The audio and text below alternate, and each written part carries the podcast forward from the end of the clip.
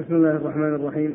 الحمد لله رب العالمين. والصلاة والسلام على عبد الله ورسوله نبينا محمد وعلى آله وصحبه أجمعين. أما بعد قال الإمام الحافظ أبو عيسى الترمذي رحمه الله تعالى في جامعه باب ما جاء في النوم في المسجد. قال حدثنا محمود بن غيلان قال حدثنا عبد الرزاق قال أخبرنا معمر عن الزهري عن سالم عن ابن عمر رضي الله عنهما أنه قال كنا ننام على عهد رسول الله صلى الله عليه وآله وسلم في المسجد ونحن شباب. قال أبو عيسى حديث ابن عمر حديث حسن صحيح. وقد رخص قوم من أهل العلم في النوم في المسجد. قال ابن عباس رضي الله عنهما لا يتخذه مبيتا ولا مقيلا. وقوم من أهل العلم ذهبوا إلى قول ابن عباس. بسم الله الرحمن الرحيم. الحمد لله رب العالمين. وصلى الله وسلم وبارك على عبده ورسوله نبينا محمد وعلى آله وأصحابه أجمعين. أما بعد فيقول الإمام أبو عيسى الترمذي رحمه الله في جامعه باب ما جاء في النوم في المسجد أي في بيان حكمه والنوم في المسجد آه، الأصل فيه الجواز ولكن لا يكون يعني بمثابة المسكن وأن الإنسان يتخذه كما يعني تتخذ البيوت. وإنما الأصل أنه إذا احتج إليه فإنه ينام فيه وقد ثبت ذلك في هذا الحديث عن ابن عمر وعن غيره. يعني كما أشار قال ونحن شباب أنهم ينامون في المسجد. فالنوم في المسجد جائز. ولكن لا يتخذ مسكنا ويتخذ مقرا ويعامل معاملة البيوت. وإذا احتيج إليه للنوم فيه سواء كان في الليل أو في النهار فإن ذلك سائر ولا بأس به. ولهذا ذكر الترمذي رحمه الله أن جماعة من العلم أنهم يرون الترخيص أو الرخصة في النوم في المسجد. وابن عباس رضي الله تعالى عنه قال لا يتخذه يتخذه آه، مرقدا ولا نقيلا. يعني معناه أنه يتخذ بمثابة البيت ومثابة المسكن. وأما في الأصل فإنه جائز. ولا بأس به ولا مانع منه. هذا هو الأصل في هذا الباب وهذا هو الخلاف الذي أشار إليه الترمذي رحمه الله. نعم. قال حدثنا محمود بن غيلان. محمود بن غيلان ثقة أخرجه أصحاب في ستة إلا أبا داود. عن عبد الرزاق. عبد الرزاق بن همام الصنعاني اليماني ثقة أخرجه أصحاب في الستة. عن معمر. معمر بن راشد الأزدي البصري ثم اليماني.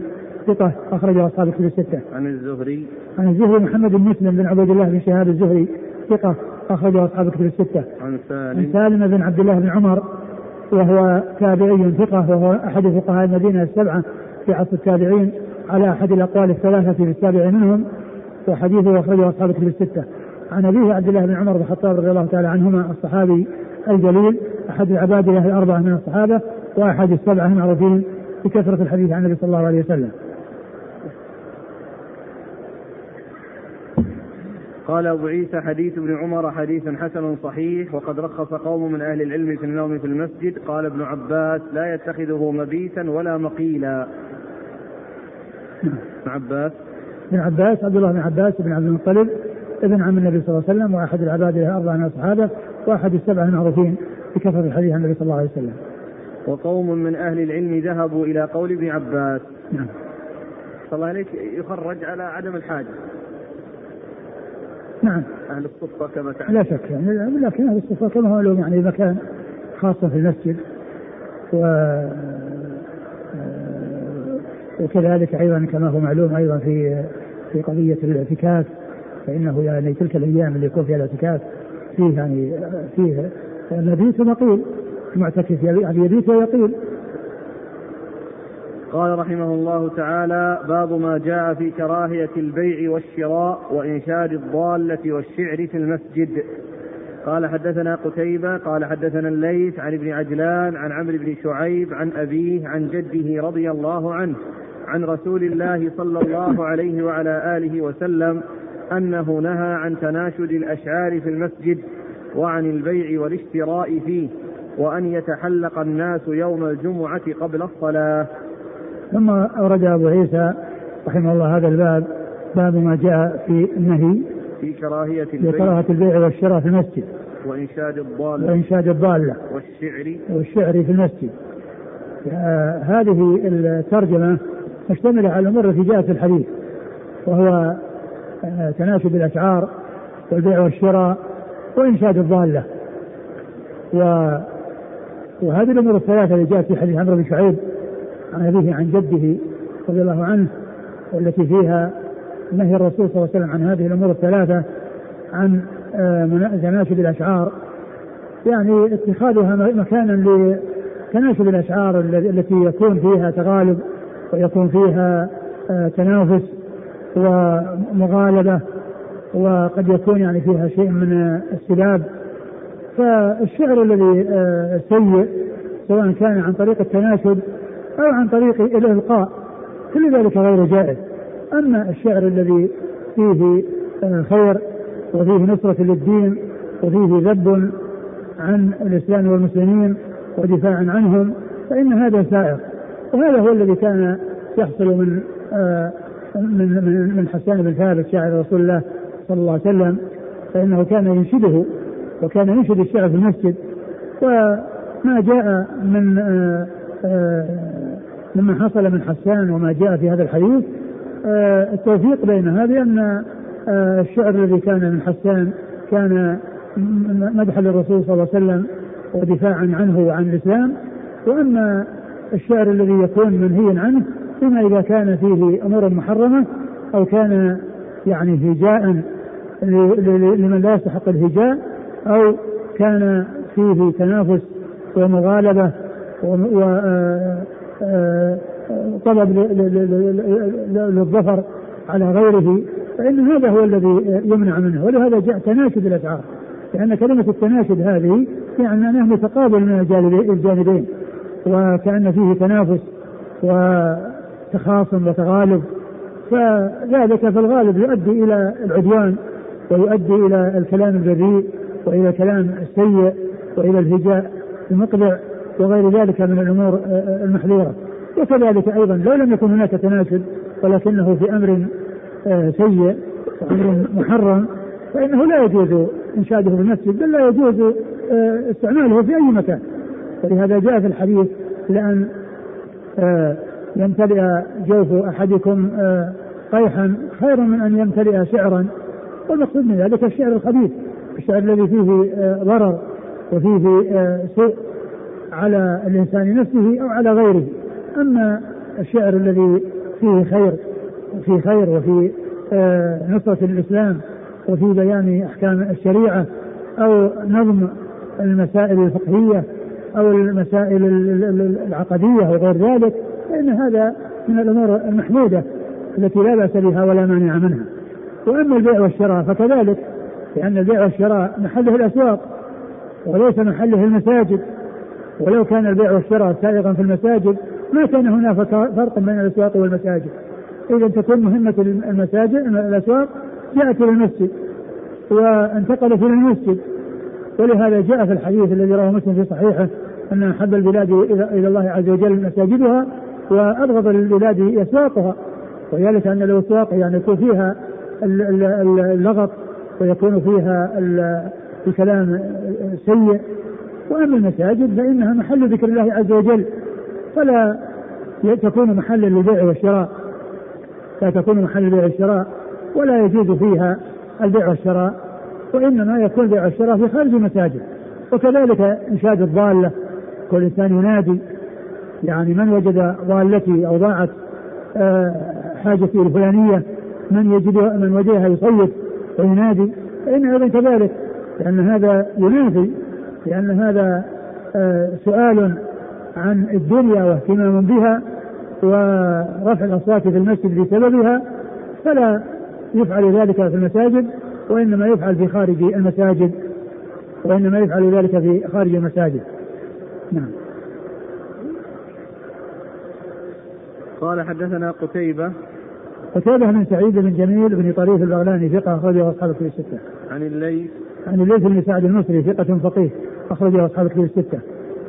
عن ابن عجلان. عن ابن عجلان محمد بن عجلان المدني صدوق أخرجه البخاري تعليقا ومسلم وأصحاب السنة. عن عمرو بن شعيب. عن عمرو بن شعيب وهو عمرو بن محمد ابن آه، عمرو بن شعيب بن محمد ابن عبد الله ابن عمرو بن العاص. وهو صديق أخرج حديثه آه، البخاري في جزء القراءة. نعم. و و وأصحاب السنة. عن أبيه وهو شعيب وهو كذلك آه، صديق أخرج حديث البخاري في جزء القراءة وأصحاب السنة. عن جده. عن جده عبد الله بن عمرو بن العاص وهو جد جد شعيب. يعني فعمر يروي عن أبيه شعيب وشعيب يروي عن جده عبد الله بن عمرو. يعني فالضمير في جده يرجع إلى إلى إلى شعيب هو الذي يروي عن جده. وليس الرواية عن أبيه محمد لأن أباه محمد تابعي فيكون الحديث مرسلا. وشعيب سمع من جده عبد الله بن عمرو فيكون متصلا. وعبد الله بن عمرو أحد العباد الأربعة من أصحاب النبي صلى الله عليه وسلم وحديثه أخرجه أصحاب الكتب الستة. يقول أنه نهى عن تناشد الأشعار في المسجد وعن البيع والاشتراء فيه وأن يتحلق الناس يوم الجمعة وكذلك وكذلك التحلق يوم الجمعة قبل الصلاة بأن يكون آه، آه، تحلق سواء لقراءة لقراءة القرآن أو لتعليم درس لأن هذا ينافي آه، الاستعداد للصلاة ووصل الصفوف واتصالها والتحلق معلوم أنه يحصل به آه، عدم وصل الصفوف ويحصل به الانشغال عن الاستعداد للصلاة. ومن المعلوم أن الإنسان أن الصلاة شيء فيها التبكير وأن الإنسان يأتي إلى المسجد فيصلي ما شاء ثم يجلس يقرأ القرآن ويذكر الله عز وجل ولا يقوم إلا بالصلاة كما كان أصحاب رسول الله عليه الصلاة والسلام يفعلون ذلك. كانوا إذا جاءوا إلى المسجد صلوا ما أرادوا أن يصلوا ثم جلسوا ولا يقومون إلا للصلاة. فالتحلق فيه الانشغال عن الاستعداد للصلاة وكذلك أيضا انشغال بحصول التحلق الذي يحصل به قطع الصفوف. وعدم وصلها. نعم.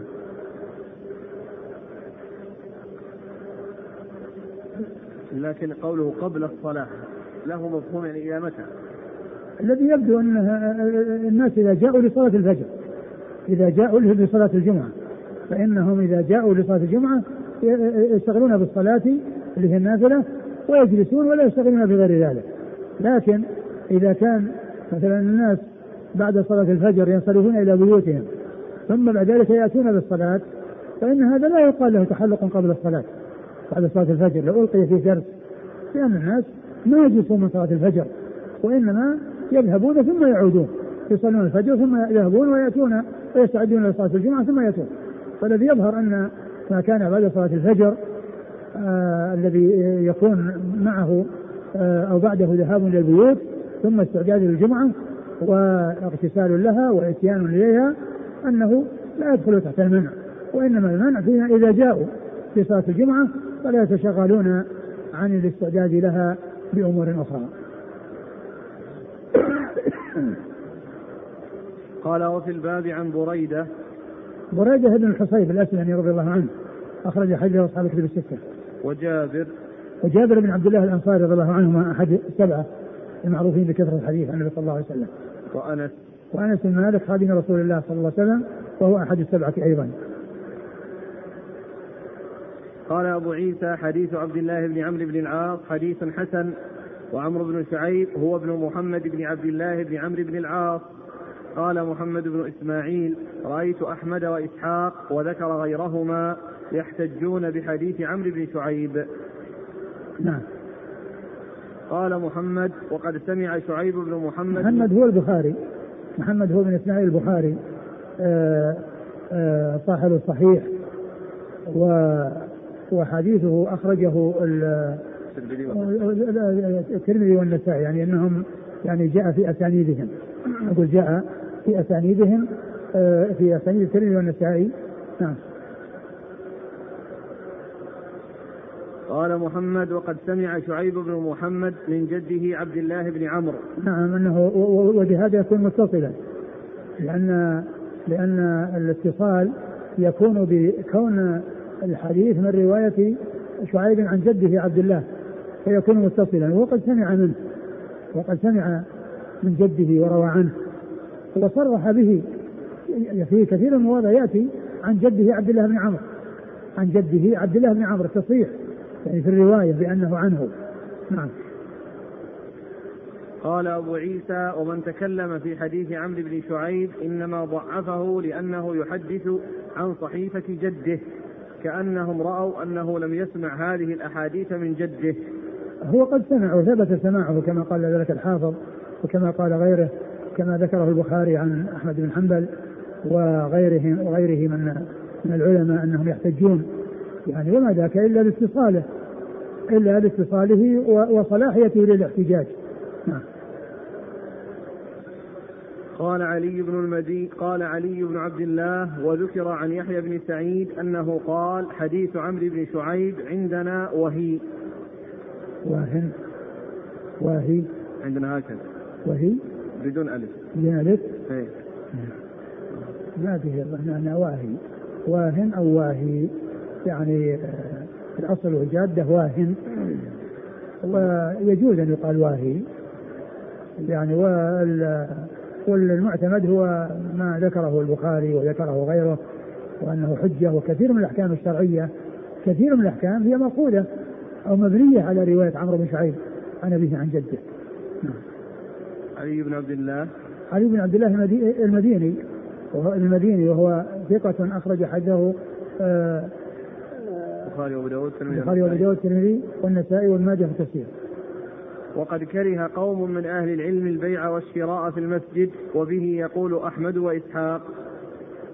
أحمد بن حنبل الشيباني الإمام المحدث الفقيه أحد أصحاب المذاهب الأربعة المشهورة مذاهب السنة وحديث أخرج أصحاب الكتب الستة وإسحاق هو ابن إبراهيم بن راهويه الحنظلي المروزي وهو ثقة أخرج أصحاب الكتب الستة إلا ابن ماجه. وقد روي عن بعض أهل العلم من التابعين رخصة في البيع والشراء في المسجد. وقد روي عن بعض التابعين رخصة في البيع والشراء في المسجد وهذا يخالف ما جاء في الحديث الناهي عن ذلك. وقد روي عن النبي صلى الله عليه وآله وسلم في غير حديث رخصة في إنشاد الشعر في المسجد. نعم وهذا يعني آه لا ينافي ما جاء في الحديث من النهي لأن النهي محمول على شيء والترخيص محمول على شيء آخر كما هو واضح.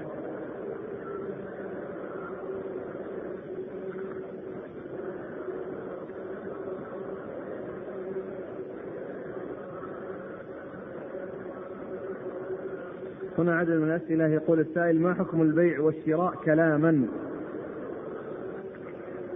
هو البيع والشراء يكون كلاما ويكون مقابضة. يكون كلاما ويكون مكاتبة ويكون تقابضا ويكون تقابضا. فالكلام هو نفسه لأنه هو اشتغالا آه، اشتغالا في البيع والشراء في المسجد. يعني كون المسجد يعني بدل ما يكون ذكر يعني اللسان يشتغل بالذكر وقراءة القرآن يشتغل بالبيع والشراء. ويقول ما حكم الإعلان في المسجد بوجود ضائعة من قبل شخص أو إعلان على الوجود الإعلان هذا على ورقة؟ ما يفعل هذا في المسجد ولكن يفعل خارج المسجد. يفعل خارج المسجد ويؤتى به خارج المسجد. أما أن يوضع في المساجد ويأتي الناس يعني ينظرون يعني لهذه الإعلانات عن أمور دنيوية فلا. وإنما يكون في خارج المسجد وبه يحصل المقصود ويزول المحذور.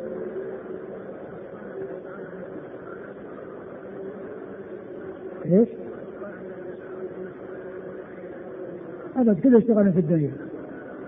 لا يشتغل في الدنيا لا بالكلام في أسعار ولا في بيع وشراء. كل ذلك انشغال عن المهمة أو الوظيفة التي هي وظيفة المسجد. نعم. يقول ما حكم أخذ القرض في المسجد أو رده؟ الوفاء ما في بأس. كل إنسان يعني يوفي إنسان عليه يعني شيء بيده يعني إنسان هذا يعطيه إياه وفاء هذا ما في بأس. طيب الأخذ كونه كونه مضطر إلى هذا يعني مثل يعني بيعطي مناسبة يعني يكون آه، فيه صدقة أو فيه تبرع وهو ما معه شيء وهذا يزول وكونه يأخذ من صاحبه ويعطيه هذا ليس من البيع والشراء. نعم. يقول أحسن الله إليك في البلاد يقوم الخطيب قبل دخول الوقت بترجمة خطبة الجمعة آه، إلى اللغة أو اللهجة المحلية ليفهم الناس الخطبة. بأن لأن الخطبة تلقى باللغة العربية. فما رأيكم في هذا الفعل؟ هل يعتبر من التحلق قبل الجمعة؟ آه، أولا كونه يصير هذا الشيء قبل قبل الصلاة يعني من ذلك أن هذا يحصل لبعض الناس دون بعض الناس. ولكن المناسب أن يكون هذا في الخطبة بأن يكون في كلام بالعربية وكلام بغير العربية أو يكون بعد الصلاة. أما أن يكون قبل الصلاة فإن هذا فيه تفويت المصلحة وأيضا يعني يدخل في في التحلق أو شغل الناس أو شغل الناس عن عن المطلوب منهم قبل الصلاة وهي أن يشتغلوا بقراءة القرآن وذكر الله عز وجل ولكن يكون هذا في الخطبة بأن يكون بعضها بالعربية وبعضها بغير العربية أو يكون أو يكون بعد الصلاة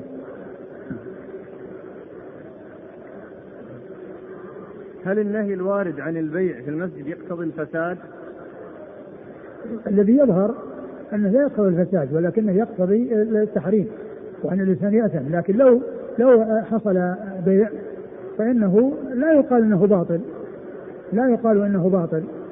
يعني يصح مع يعني مع الإثم في حصول البيع والشراء.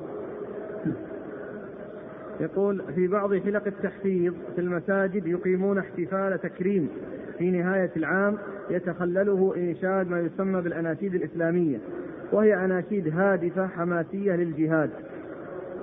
آه هذه الأناشيد التي يكون فيها يعني آه تلحين ويكون فيها قد يكون فيها أيضا أصوات جماعية ولا سيما إذا كانت آه, آه، حماسية لا تقدم ولا تؤخر ولا تفيد شيئا.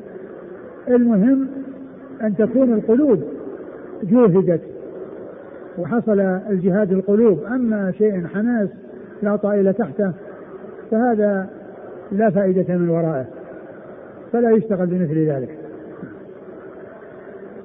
قال رحمه الله تعالى باب ما جاء في المسجد الذي أسس على التقوى. قال حدثنا قتيبة قال حدثنا حاتم بن إسماعيل عن أنيس بن أبي يحيى عن أبيه عن أبي سعيد الخدري رضي الله عنه أنه قال امترى رجل من بني خدرة ورجل من بني عمرو بن عوف في المسجد الذي أسس على التقوى. فقال الخدري هو مسجد رسول الله صلى الله عليه وآله وسلم. وقال الآخر هو مسجد قباء. فأتيا رسول الله صلى الله عليه وعلى آله وسلم في ذلك. فقال هو هذا يعني مسجده. وفي ذلك خير كثير. ثم أورد أبو عيسى باب في المسجد الذي أسس على التقوى من أول يوم. ما المراد به؟ والمسجد الذي أسس على التقوى كل من مسجد الرسول صلى الله عليه وسلم مسجد قباء. كل منهما وصف بذلك. أما مسجد قباء فقد جاء في القرآن وأما مسجد الرسول صلى الله عليه وسلم فقد جاء في كلام الرسول صلى الله عليه وسلم. وكل منهما أسس على التقوى من أول يوم. أما مسجد قباء فالرسول صلى الله عليه وسلم أسسه لما قدم. قباء قادما من مكة. ونزل فيه أياما وصلى فيه. ولما وصل المدينة بعد أيام أول عمل قام به أنه بدأ بمسجده وبنى مسجده صلى الله عليه وسلم. فيكون مسجد قباء جاء في القرآن. يعني ما يدل على على على تعيينه وعلى أنه أسس على التقوى. ومسجد الرسول صلى الله عليه وسلم جاء في السنة. يعني ما يدل على ذلك. وكل منهما اسس على التقوى من أول يوم. هذا في أول ما قدم إلى قباء قادم من مكة وهذا أول ما قدم الرسول صلى الله عليه وسلم إلى موطنه في المدينة. بنى هذا المسجد وبادر إلى بناء هذا المسجد مسجد الرسول صلوات الله وسلامه وبركاته عليه. وعلى هذا فلا تنافي بين القولين وبين الرأيين. هذا أسس على التقوى وهذا أسس على التقوى وهذا جاء في القرآن وهذا جاء في سنة الرسول صلى الله عليه وسلم. وهذا جاء في سنة الرسول عليه الصلاة والسلام. فلا يقال مسجد قباء هو الذي أسس على التقوى وذاك غيره ولا يقال مسجد الرسول هو الذي أسس على التقوى وذاك غيره وإنما كل منهم أسس على التقوى. ولهذا لما انكر هذان الصحابيان وبلغ ذلك الرسول قال مسجدكم هذا مسجدكم هذا وفي ذلك خير كثير. وقد جاء القرآن في آه يعني فيه وأنه آه، مسجد قباء. وعلى هذا فكل من المسجدين أسس على التقوى من أول يوم. ولهذا كان لهذين المسجدين فضيلة خاصة لا توجد لغيرهما في هذه المدينة. ليس في المدينة مساجد آه، تشرع زيارتها وتستحب زيارتها وزيارتها شرعية إلا هذين المسجدين. أما ما سواهما فإنه لا فضل فيه ولا ترغيب فيه ولم يرد فيه ما يدل على قصده وعلى الذهاب إليه للتقرب إلى الله عز وجل فيه بل آه الذي اختص أو الذي آه آه له ميزة في هذه المدينة هذان المسجدان اللذان آه آه جاء آه وصفهما بأنهما أسس على التقوى من أول يوم نعم. قال حدثنا قتيبة عن حاتم بن إسماعيل. حاتم إسماعيل هو صدوق صدوق يهم أخرج أصحاب الكتب. صدوق أخرج أصحاب الكتب الستة. عن أنيس بن أبي يحيى. عن أنيس بن أبي يحيى وهو ثقة أخرجه أبو داود والترمذي. ثقة أخرجه أبو داود والترمذي. عن أبيه عن أبيه وهو سمعان الأسلمي أبو يحيى لا بأس به أخرجه أصحاب السنة. لا بأس به أخرجه أصحاب السنة. لا بأس به بمعنى صدوق. نعم. عن أبي سعيد. عن أبي سعيد الخدري. سعد بن سعد بن مالك بن سنان الخدري رضي الله عنه وهو أحد السبعة المعروفين بكثرة الحديث عن النبي صلى الله عليه وسلم. في آخر قال هو هذا يعني مسجده وفي ذلك خير كثير. الذي هو مسجد قباء.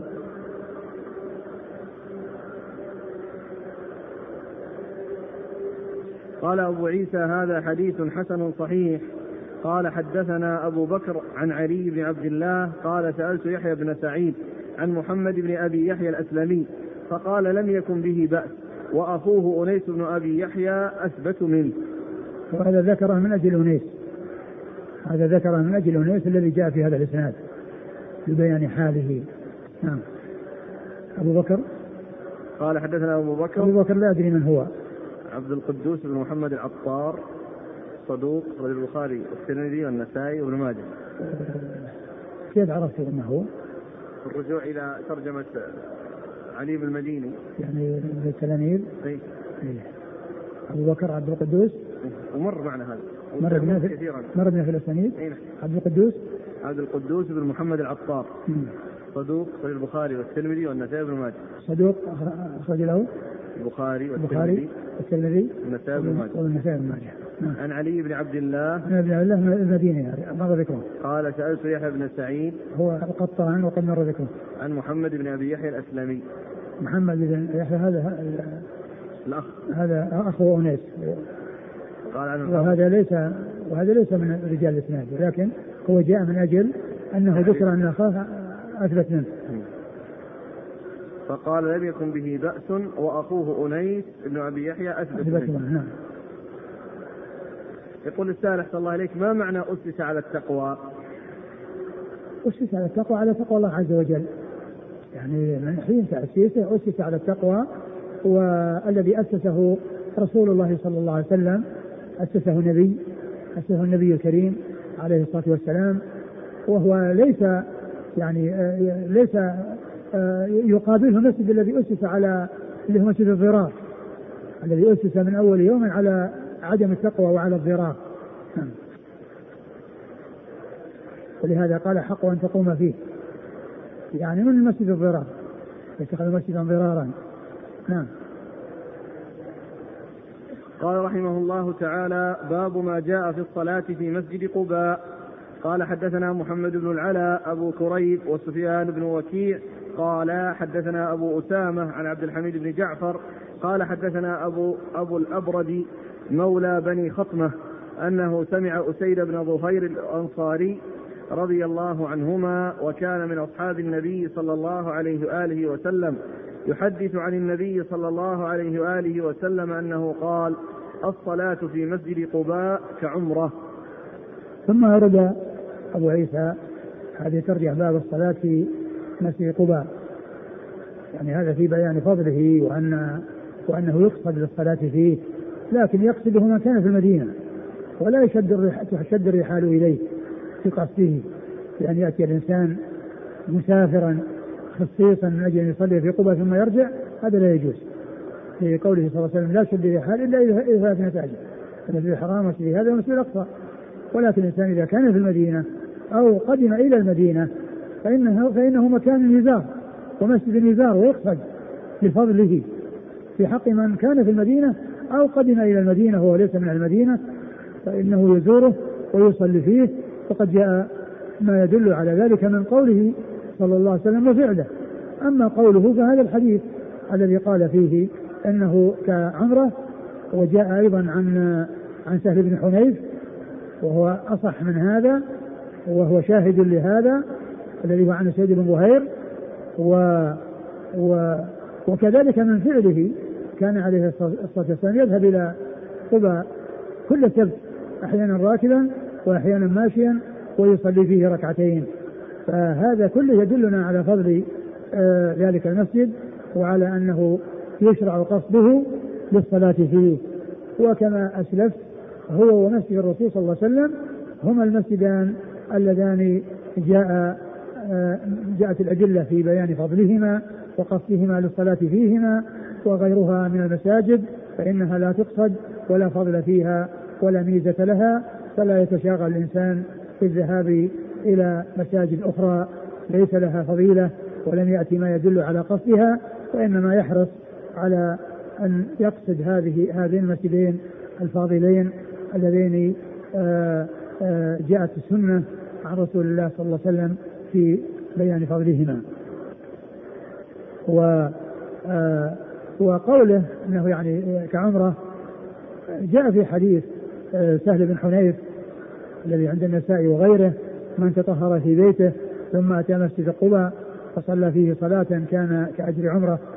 فصلى فيه صلاة كان كأجر عمرة يعني سواء كان صلاة فريضة أو صلاة نافلة.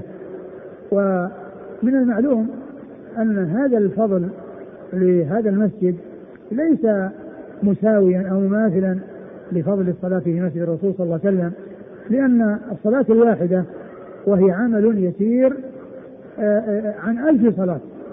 ومعلوم أن فعل ألف صلاة لو أنسان لو أن الإنسان يعني جلس يصلي هذه الصلوات آه، لكان عملا كثيرا بالنسبة لكون الإنسان يأتي بعمرة.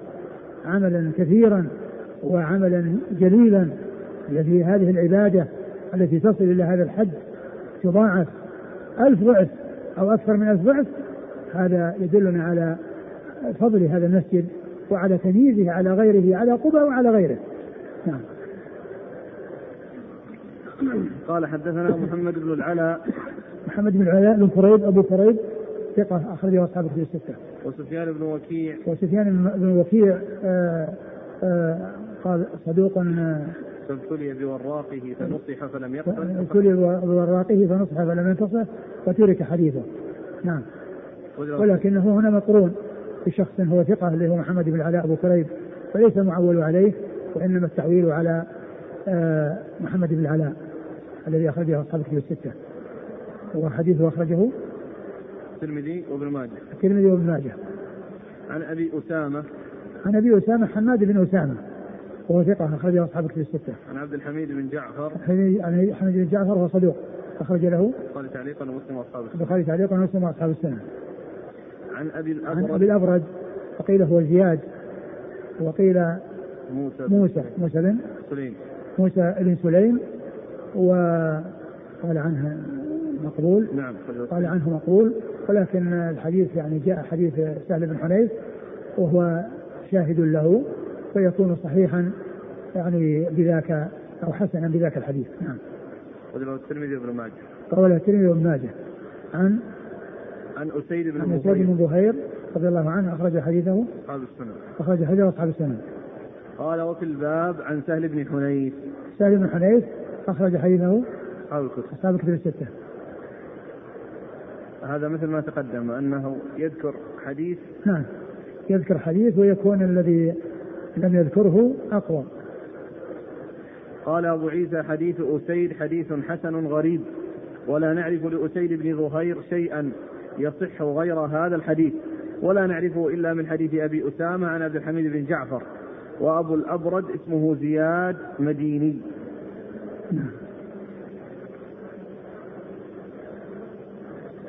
يقول الأخ في صحيح الترغيب والترهيب للشيخ الألباني رحمه الله حديث فيه أن النبي صلى الله عليه وسلم ذهب إلى بعض المساجد ودعا فاستجيب له بعد ثلاثة أيام.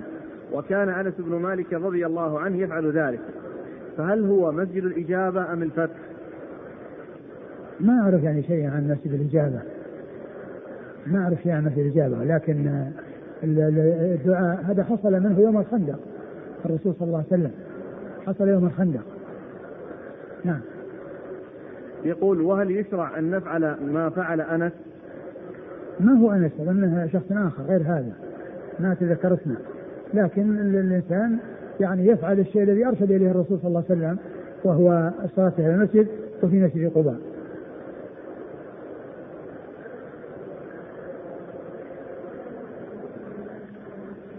قال رحمه الله تعالى باب ما جاء في أي المساجد أفضل. قال حدثنا الأنصاري قال حدثنا معن قال حدثنا مالك قال حا وحدثنا قتيبة عن مالك عن زيد بن رباح وعبيد الله بن أبي عبد الله الأغر عن أبي عبد الله الأغر عن أبي هريرة رضي الله عنه أن رسول الله صلى الله عليه وعلى آله وسلم قال صلاة في مسجدي هذا خير من ألف صلاة فيما سواه إلا المسجد الحرام. باب ما جاء في أي المساجد أفضل؟ باب ما جاء في أي المساجد أفضل. آه المساجد أفضلها ثلاثة. المسجد الحرام ثم هذا المسجد المبارك مسجد الرسول صلى الله عليه وسلم ثم المسجد الأقصى. وهي الذي جاءت الذي جاءت في الحديث الذي سيأتي لا تشد الرحال إلا إلى ثلاث مساجد المسجد الحرام والمسجد هذا والمسجد الأقصى. فأيها أفضل؟ أفضلها هذه الثلاثة. ولكن أفضل الثلاثة المسجد الحرام ثم هذا المسجد ثم المسجد الأقصى. وقد أورد أبو عيسى حديث أبي هريرة رضي الله عنه قال عليه الصلاة والسلام صلاة في صلاة صلاة في مسجدي هذا خير من ألف صلاة فيما سواه إلا المسجد الحرام. أي إلا المسجد الحرام فإنه ليس أفضل فإن هذا المسجد ليس أفضل أو الصلاة فيه ليست أفضل من ذاك بل في المسجد الحرام تكون أفضل. وقد جاء في بعض الأحاديث ما يدل على أنه أفضل من هذا المسجد بألف بمئة. وفي وعلى المساجد الأخرى بمئة ألف. وعلى المساجد الأخرى بمئة ألف. وعلى هذا المسجد بمئة. وهذا المسجد بألف. فيكون في غير بالنسبة للمساجد الأخرى بمئة ألف. يعني صلاة المسجد الحرام. وهذا يدل على تفضيله. وعلى أنه أفضل الصلاة هناك أفضل من الصلاة هنا لأن هناك بمئة ألف وهنا بألف. فدال على تفضيل المسجد المسجد النبوي وعلى تفضيل المسجد الحرام وأنه أفضل منه. نعم. قال حدثنا الأنصاري. ثم قوله في مسجد هذا ليس بعض أهل العلم قال أنه يكون المقصود به المسجد الذي كان هو البقعة في زمانه. ولكن القول الصحيح أن كل ما أضيف إلى المسجد وزيد إلى المسجد فإنه يعتبر من مسجد الرسول صلى الله عليه وسلم والصلاة فيه مضاعفه والدليل على هذا وأقوى دليل على هذا أن الخليفتين الراشدين عمر وعثمان زاد المسجد من الجهة الأمامية من الجهة القبلية والصحابة متوافرون ولم ينكروا ذلك. والإمام يصلي بالزيادة والصف الأول الذي هو خير الصفوف في الزيادة. فلولا أن الزيادة لها حكم مزيد ما كان عمر وعثمان رضي الله عنهما يزيد المسجد من الجهة الأمامية ويحرم الإمام من من من, التضعيف والصف الأول هو خير الصفوف من التضعيف. ففعل هذين الخليفتين الراشدين وإقرار الصحابة لهما على ذلك وموافقتهم على ذلك وكونهم يصلون في الصفوف الأول والإمام يصلي في الزيادة كل هذا يدلنا على أن الأمر لا يكون مقصورا على البقعة التي هي آه، المسجد في زمنه صلى الله عليه وسلم بل كل ما أضيف إلى المسجد وألحق به فإنه يكون يشمله اسم مسجد الرسول صلى الله عليه وسلم ويكون له آه، آه، ذلك الفضل وذلك التضعيف الذي جاء في هذا الحديث. ثم أيضا قوله صلاة هذا لفظ مطلق. يدل على أنه يشمل الفرض والنفل وأن الفريضة بألف فريضة والنافلة بألف نافلة. صلاة الفريضة بألف صلاة فريضة وصلاة النافلة بألف صلاة نافلة. لقوله صلى الله عليه وسلم صلاة وهو لم يقيد بفضل ولا نفل. نعم. قال حدثنا الأنصاري. الأنصاري هو إسحاق بن موسى وهو ثقة أخرجه البخاري. أخرجه مسلم. والترمذي. مسلم والترمذي. والنسائي بن ماجه. والنسائي بن ماجه. عن معن. عن معن بن عيسى. ثقة أخرجه أصحابه الستة. عن مالك. عن مالك بن أنس إمام دار الهجرة المحدث الفقيه أحد أصحاب المذاهب الأربعة المشهورة من مذاهب السنة وحديث أخرجه أصحاب الستة. قال حاء وحدثنا قتيبة عن مالك عن زيد بن رباح. ثم قال حاء وهي للتحول من إسناد إلى إسناد. قتيبة هو بن سعيد بن جميل بن طريف مر ذكره وعن الليث عن مالك. عن, عن مالك نعم. عن زيد بن رباح. عن زيد بن رباح وهو؟ ثقة أخرج البخاري والترمذي والنسائي في مسند مالك وابن ماجه. ثقة أخرجه أخرجه البخاري والترمذي. البخاري والترمذي والنسائي في مسند مالك وابن ماجه. وعبيد الله بن أبي عبد الله الأغر. وعبيد الله بن أبي عبد الله الأغر وهو؟ ثقة أخرجه البخاري والترمذي والنسائي في مسند مالك وابن ماجه. وهو مثل الذي قبل. عن أبي أبي عبد الله عن الاغر أبي عبد الله الاغر وهو سلمان أخرج حديثه. أصحاب الكتب. ثقة أخرج أصحاب الكتب الستة. عن أبي هريرة. عن أبي هريرة عبد الرحمن بن صخر الدوسي رضي الله عنه وهو أكثر الصحابة حديثا. قال أبو عيسى ولم يذكر قتيبة في حديثه عن عبيد الله إنما ذكر عن زيد بن رباح عن أبي عبد الله الأغر عن أبي هريرة. قال أبو عيسى هذا حديث حسن صحيح وأبو عبد الله الأغر اسمه سلمان. وقد روي عن أبي هريرة رضي الله عنه من غير وجه عن النبي صلى الله عليه وسلم. يعني قال نعم الحديث نعم. ها؟ نعم أكمل. قال وفي الباب. يعني أن الحديث جاء من طرق أخرى عن أبي هريرة من غير وجه غير هذا الذي ذكر هنا. وفي الباب عن؟ وفي الباب عن أبي وفي الباب عن علي. علي بن أبي طالب أمير المؤمنين ورابع الخلفاء الراشدين لهادي المهديين صاحب المناقب الجمه والفضائل الكثيرة. رضي الله عنه وأرضاه وحديثه عند أصحاب الكتب الستة. وميمونة وميمونة بنت الحارث الهلالية أم المؤمنين رضي الله عنها وحديثها أخرجه أصحاب الكتب الستة. وأبي سعيد وجبير بن مطعم أبي سعيد مر ذكره هو جبير بن مطعم النوفلي أخرج حديثه أصحاب الكتب الستة. وابن عمر وعبد الله بن الزبير وابن عمر مر ذكره عبد الله بن الزبير بن العوام أحد العبادله الأربعة من أصحاب النبي صلى الله عليه وسلم وحديثه اخرجه أصحاب الكتب الستة. وأبي ذر وأبو ذر جندب بن جنادة أخرج حديثه أصحاب الكتب الستة. قال حدثنا ابن أبي عمر قال حدثنا سفيان بن عيينة عن عبد الملك بن عمير عن قزعة عن أبي سعيد الخدري رضي الله عنه أنه قال قال رسول الله صلى الله عليه وآله وسلم لا تشد الرحال إلا إلى ثلاثة مساجد مسجد الحرام ومسجدي هذا ومسجد الأقصى ثم ورد أبو سعيد ابو أبو عيسى حديث أبي سعيد الخدري رضي الله تعالى عنه أن النبي صلى الله عليه وسلم قال لا تشد الرحال إلا إلى ثلاث مساجد المسجد الحرام ومسجد ومسجد هذا والمسجد الأقصى. هذه المساجد التي بناها أنبياء وهي أفضل المساجد وخير المساجد كما عرفنا.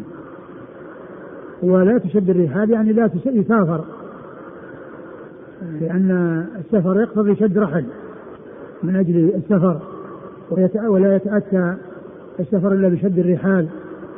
وهذا في الغالب وإلا فإنه قد يكون يعني يركب على فرس أو يركب على حمار أو ما إلى ذلك ويكون سفر. لكن الغالب أنه يكون بشد الرحال التي هي على الإبل وشد الرحل عليها من أجل السفر. والمقصود من ذلك الأسفار أنه لا ينشأ سفر ولا يقصد أي مكان لفضل بقعة فيه أو للتقرب إلى الله عز وجل بقعة والتبرك بها وأنها فيها بركة إلا لهذه المساجد الثلاثة. هي التي تقصد وأما ما سواها فإنه لا يقصد. والحديث يعني دال على العموم في جميع البقاع سواء كانت مساجد أو غير مساجد. فلا يسافر من أجل زيارة قبر أو ضريح أو ما إلى ذلك فإن الرحال لا تشد إلا لهذه المساجد الثلاثة هي التي جاءت عن رسول الله صلى الله عليه وسلم. ويدل على ذلك أن أن أبا بصرة الصحابي آه لما ذهب أبو هريرة إلى الطور ثم لقيه بعد ذلك قال, قال لو, لو لقيتك قبل أن تذهب لما فعلت قال لماذا؟ لأنه قال لا تعمل المطي إلا إلى هذه المساجد. وسكت أبو هريرة ولم يعترض عليه. فدل هذا على أن الأمر ليس خاصا في المساجد وإنما يكون بالذهاب إلى المساجد وإلى غير المساجد. أما الذهاب من أجل يعني بقعة أو مكان من أجل طلب العلم فيه أو من أجل زيارة أقارب أو زيارة أصدقاء أو يعني آه، ما إلى ذلك فإن هذا شيء لا بأس به. وإنما المحذور من الذهاب إلى بقعة من أجل فضلها ومن أجل قدسيتها ومن أجل آه، التقرب إلى الله عز وجل فيها فإنه لا يكون السفر إلا في هذه المساجد الثلاثة. نعم. قال حدثنا ابن أبي عمر. ابن أبي عمر العدني وهو محمد بن يحيى وهو صدوق أخرج حديثه البخاري. مسلم والترمذي. البخاري؟ لا. أخرج حديث مسلم والترمذي. والنسائي وابن ماجه. والنسائي وابن ماجه. عن سفيان بن عيينة. عن سفيان بن عيينة المكي ثقة أخرجه أصحاب الكتب الستة. عن عبد الملك بن عمير. عن الملك بن عمير وهو ثقة. أخرجه أصحاب الكتب. أخرجه أصحاب الكتب الستة. عن قزعة. عن قزعة وهو ثقة أخرجه أصحاب الكتب. أصحاب الكتب الستة. عن أبي سعيد. عن أبي سعيد رضي الله عنه وقد مر ذكره. قال أبو عيسى هذا حديث حسن صحيح. نعم. يقول الأخ من أول من بنى المسجد الأقصى؟ لا أدري. ذكرتم أنها مساجد بناها الأنبياء. نعم لكن بس تعيينه آه هو يعني آه هو جاء يعني أي مسجد آه، بني أول قال المسجد الحرام قال ثم أي قال المسجد الأقصى قال كم بينهما؟ جاء في حديث بينهما أربعون سنة. فقيل أن هذا يعني قد يكون تأسيس وقد يكون تجديد. ومعلوم أن يعني الذي الذي بنى البيت الحرام إبراهيم فيكون يعني معناه بناءه يعني بعد ذلك. فهو إما تجديدا وإما تأسيسا لا ندري الله أعلم. ما يجري على ألسنة بعض الناس من قولهم عن المسجد الأقصى ثالث الحرمين. هذا هذا من الخطأ الشائع. لو قيل ثالث المسجدين المشرفين يصير صحيح لأن ثالث المساجد لكن ليس ثالث الحرمين لأن الحرم المقصود به مكة والمدينة البلد الحرام وليس المقصود به المسجد الناس الآن غلب عندهم أن الحرم المسجد أنه يطلق على المسجد حرم ولا شك أنه أهم شيء في الحرم وأفضل شيء في الحرم. والحرم هو المدينة كلها ومكة كلها حرم والمدينة كلها حرم. والحرمان مكة والمدينة مو بالمسجدين. المسجدان أفضل شيء في الحرمين. المسجدان هما أفضل شيء في الحرمين والحرمان مكة والمدينة.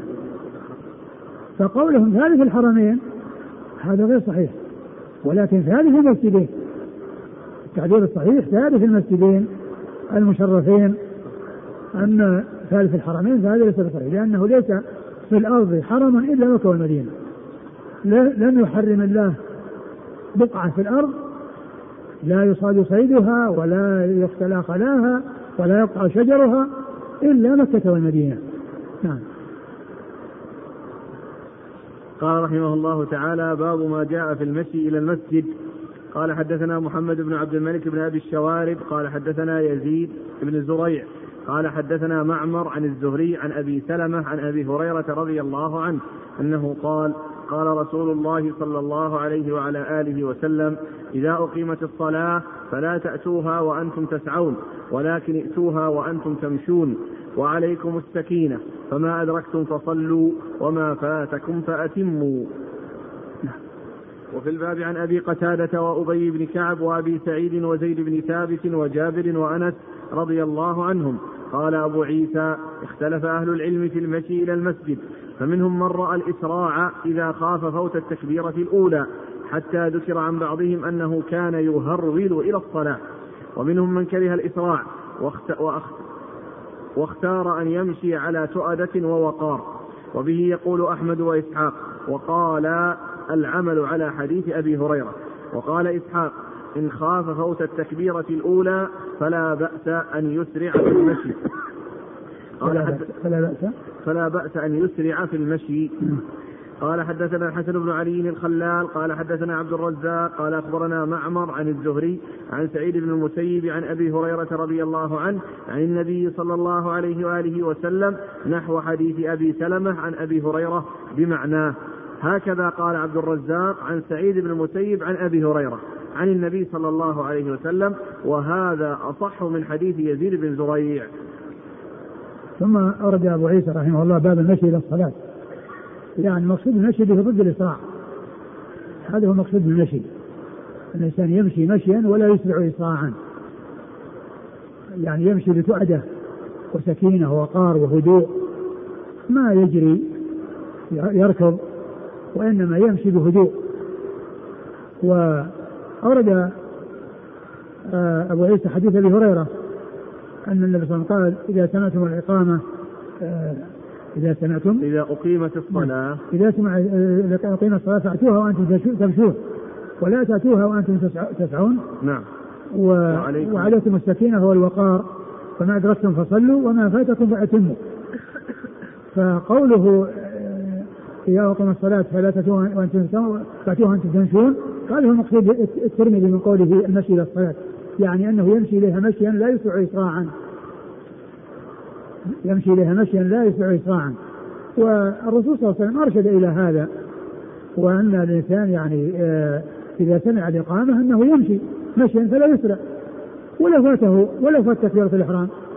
لأنه قال ما أدركتم فصلوا وما فاتكم فأتموا لأن قوله ما أدركتم فصلوا لأن لو كان المقصود أنه يسرع من أجل تكبيرة الإحرام إيش معنى قوله فما أدركتم فصلوا وما فاتكم فأتموا لأنه يعني ما إن فاتكم شيء فأنتم اتوا به فيما بعد.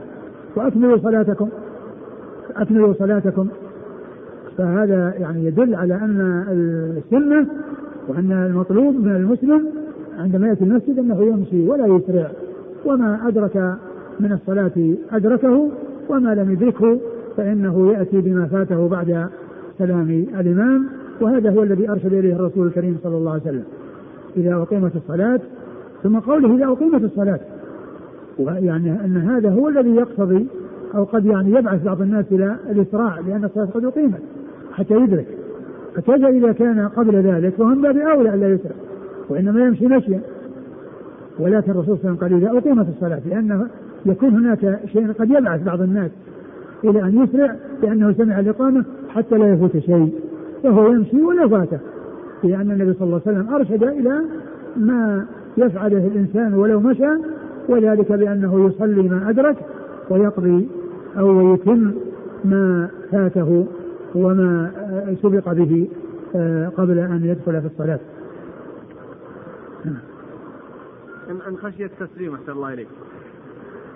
أما فيما يتعلق بالتسليم فإذا أسرع إسراعا يعني خفيفا لا يكون جري ولا يكون يعني كذا فإن هذا يمكن لأن هذا تفوته الجماعة. لأن في الحديث قال ما أدركتم فصلوا وما فاتكم فأتموا وهذا قد تفوت الصلاة كلها ولا يدرك منها شيئا. نعم. قال حدثنا محمد بن عبد الملك بن أبي الشوارب. محمد بن عبد الملك بن أبي الشوارب هو؟ صدوق إلى مسلم والترمذي والنسائي بن ماجه. صدوق إلى مسلم والترمذي والنسائي بن ماجه. عن يزيد بن زريع. يزيد بن زريع ثقة أخرجه أصحاب في الستة. عن معمر معمر بن راشد الازدي البصري مر ذكره. عن الزهري. مر ذكره عن أبي سلمة. عن أبي سلمة بن عبد الرحمن بن عوف مدني ثقه وهو أحد فقهاء المدينة السبعة على أحد أقوال ثلاثة السابع منهم وحديث أخرجه أصحاب الكتب الستة. عن أبي هريرة. أبي هريرة رضي الله عنه وقد مر ذكره. قال وفي الباب عن أبي قتادة. أبي قتادة الحارث بن ربعي الأنصاري رضي الله عنه أخرج حديث أصحاب الكتب الستة. وأبي بن كعب. وأبي بن كعب أخرج حديث أصحاب الكتب الستة. وأبي سعيد وزيد بن ثابت. زيد بن ثابت أخرج حديث أصحاب الكتب الستة. وجابر. وجابر آه بن عبد الله الأنصاري مر ذكره. وأنس. وأنس بن مالك رضي الله عنه مر ذكره. قال أبو عيسى اختلف أهل العلم في المشي إلى الصلاة إلى المسجد فمنهم من رأى الإسراع إذا خاف فوت التكبيرة الأولى حتى ذكر عن بعضهم أنه كان يهرول إلى الصلاة ومنهم من كره الإسراع واختار أن يمشي على تؤدة ووقار. وبه يقول أحمد وإسحاق وقال العمل على حديث أبي هريرة. يعني أنه يمشى ولا يسرع وهذا هو الذي دل عليه الحديث. وأما قضية الإسراع فهذا مخالف لما جاء في الحديث. وقال إسحاق إن خاف فوت التكبيرة الأولى فلا بأس أن يسرع في المشي. وهذا أيضا مخالف لما جاء في الحديث. لأنه قال ما أدركتم فصلوا وما فاتكم فاتم ثم ساق الإسناد الثاني قال حدثنا الحسن بن علي الخلال الحسن بن علي الخلال هو ثقة أخرج حديث أصحاب الكتب الستة إلى النسائي. عن عبد الرزاق عن معمر عن الزهري عن سعيد بن المسيب. سعيد بن المسيب هو ثقة أحد فقهاء المدينة السبعة في عصر التابعين وحديثه أخرجه أصحاب الكتب الستة. عن أبي هريرة عن أبي هريرة مر ذكره. نحو حديث أبي سلمة عن أبي هريرة بمعناه. نعم. قال هكذا قال عبد الرزاق عن سعيد بن المسيب عن أبي هريرة عن النبي صلى الله عليه وسلم وهذا أصح من حديث يزيد بن زريع. وكل منهما صحيح لأن لأن الحديث مروي عن هذا وهذا ويعني وقد جمع بينهما البخاري في إسناد ومن المعلوم أن المصنف قد يعني يذكره عن أحدهما في بعض الأحيان ويذكره عن الثاني في بعض الأحيان وقد يجمع بينهما في بعض الأحيان. قال حدثنا ابن أبي عمر قال حدثنا سفيان عن الزهري عن سعيد المسيب عن أبي هريرة عن النبي صلى الله عليه وسلم نحوه. نعم. إسناد تقدم ها؟ نعم. قال رحمه الله تعالى باب ما جاء في القعود في المسجد وانتظار الصلاة من الفضل. قال حدثنا والله تعالى أعلم وصلى الله وسلم وبارك على عبده ورسوله نبينا محمد وعلى آله وأصحابه أجمعين. ونتوقف عن التدريس يوم الجمعة ونعود إلى التدريس يوم السبت إن شاء الله.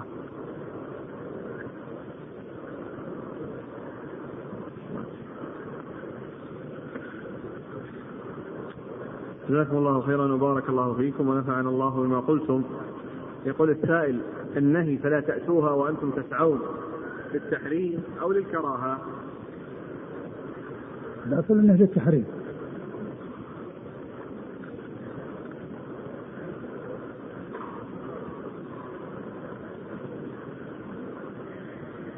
يقول هل يدخل في النهي عن شد الرحال زيارة الأماكن التاريخية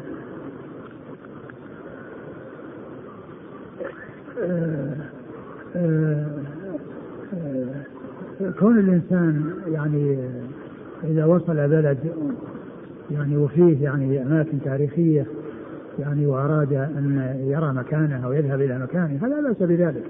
لكن آه، إذا كان فيه يعني أمور محذورة أو يعني تاريخ هذه أمور تاريخية ليس لها أصل وإنما يعني أصلها يعني آه، فيه ابتداع فلا يشغل نفسه بها ولا يذهب إليها مثل يعني بعض المساجد الآن التي في المدينة والتي ينشغل بعض الحجاج بالذهاب إليها هذا ليس الإنسان يذهب إليها.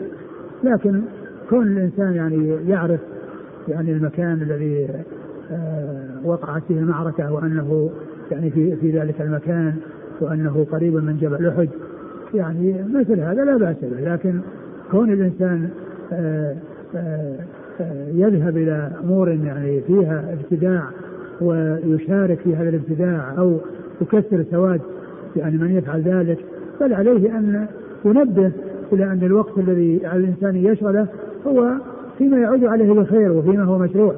أما أن يشغل نفسه في شيء غير مشروع فهذا آه، يعود عليه بالمضرة ولا يعود عليه بالخير. وبعض الأماكن التي الآن بعض الناس يذهبون إليها على اعتبار أنها تاريخية وأنها كذا مثل الذهاب إلى يعني آه، مدائن صالح. ما ينبغي الإنسان يسافر اليها.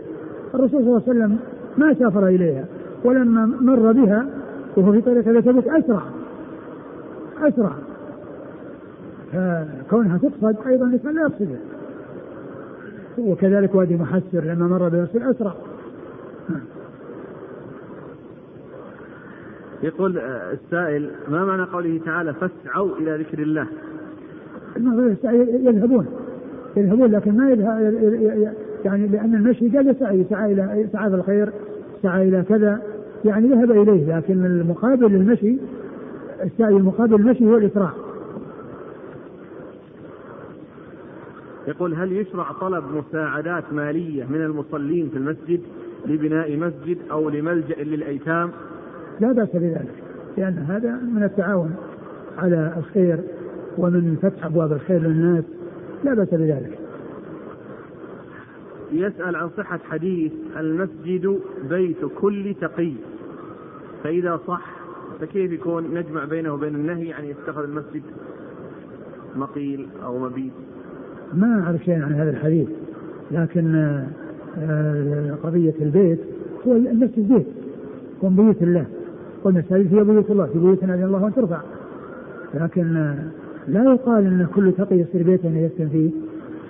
آه، المتقين يسكنون في بيوتهم لكن من أجل ملازمتهم للمساجد يعني التقوى هي التي جعلتهم يلازمونها. ما يلازمونها ينامون وإنما يلازمونها مثل ما جاء في الحديث أحد السبعة الذين يظلهم الله في ظلهم ولا ظل رجل قلبه معلق في المساجد.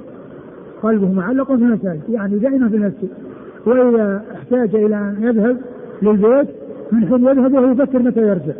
يفكر في الرجوع لأن قلبه معلق في المسجد فلو صح الحديث ما يشفي عن صحته لكن لو صح هذا هو معناه. وهو بيته يعني مسكنة أن المتقين يسكنون في المساجد؟ يقول عندنا إدارة المساجد تلزم الأئمة بعمل درس قبل صلاة الجمعة.